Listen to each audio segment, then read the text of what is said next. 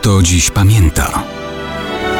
Datownik historyczny prezentuje Maciej Korkuć.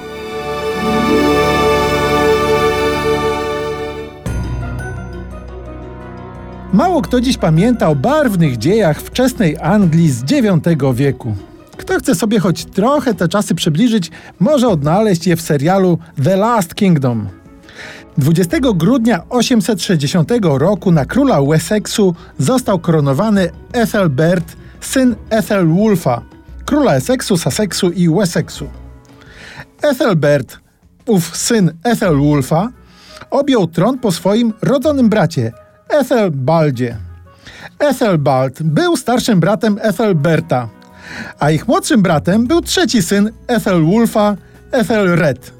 Ten po bezpotomnej śmierci Ethelberta także objął tron Wessexu jako Ethelred I, oczywiście syn Ethelwulfa. Przy tym Ethelwulf miał jeszcze starszego od wszystkich wymienionych syna Athelstana oraz najmłodszego, który w tym towarzystwie trochę dziwnie wygląda, gdyż miał na imię Alfred. Po prostu Alfred.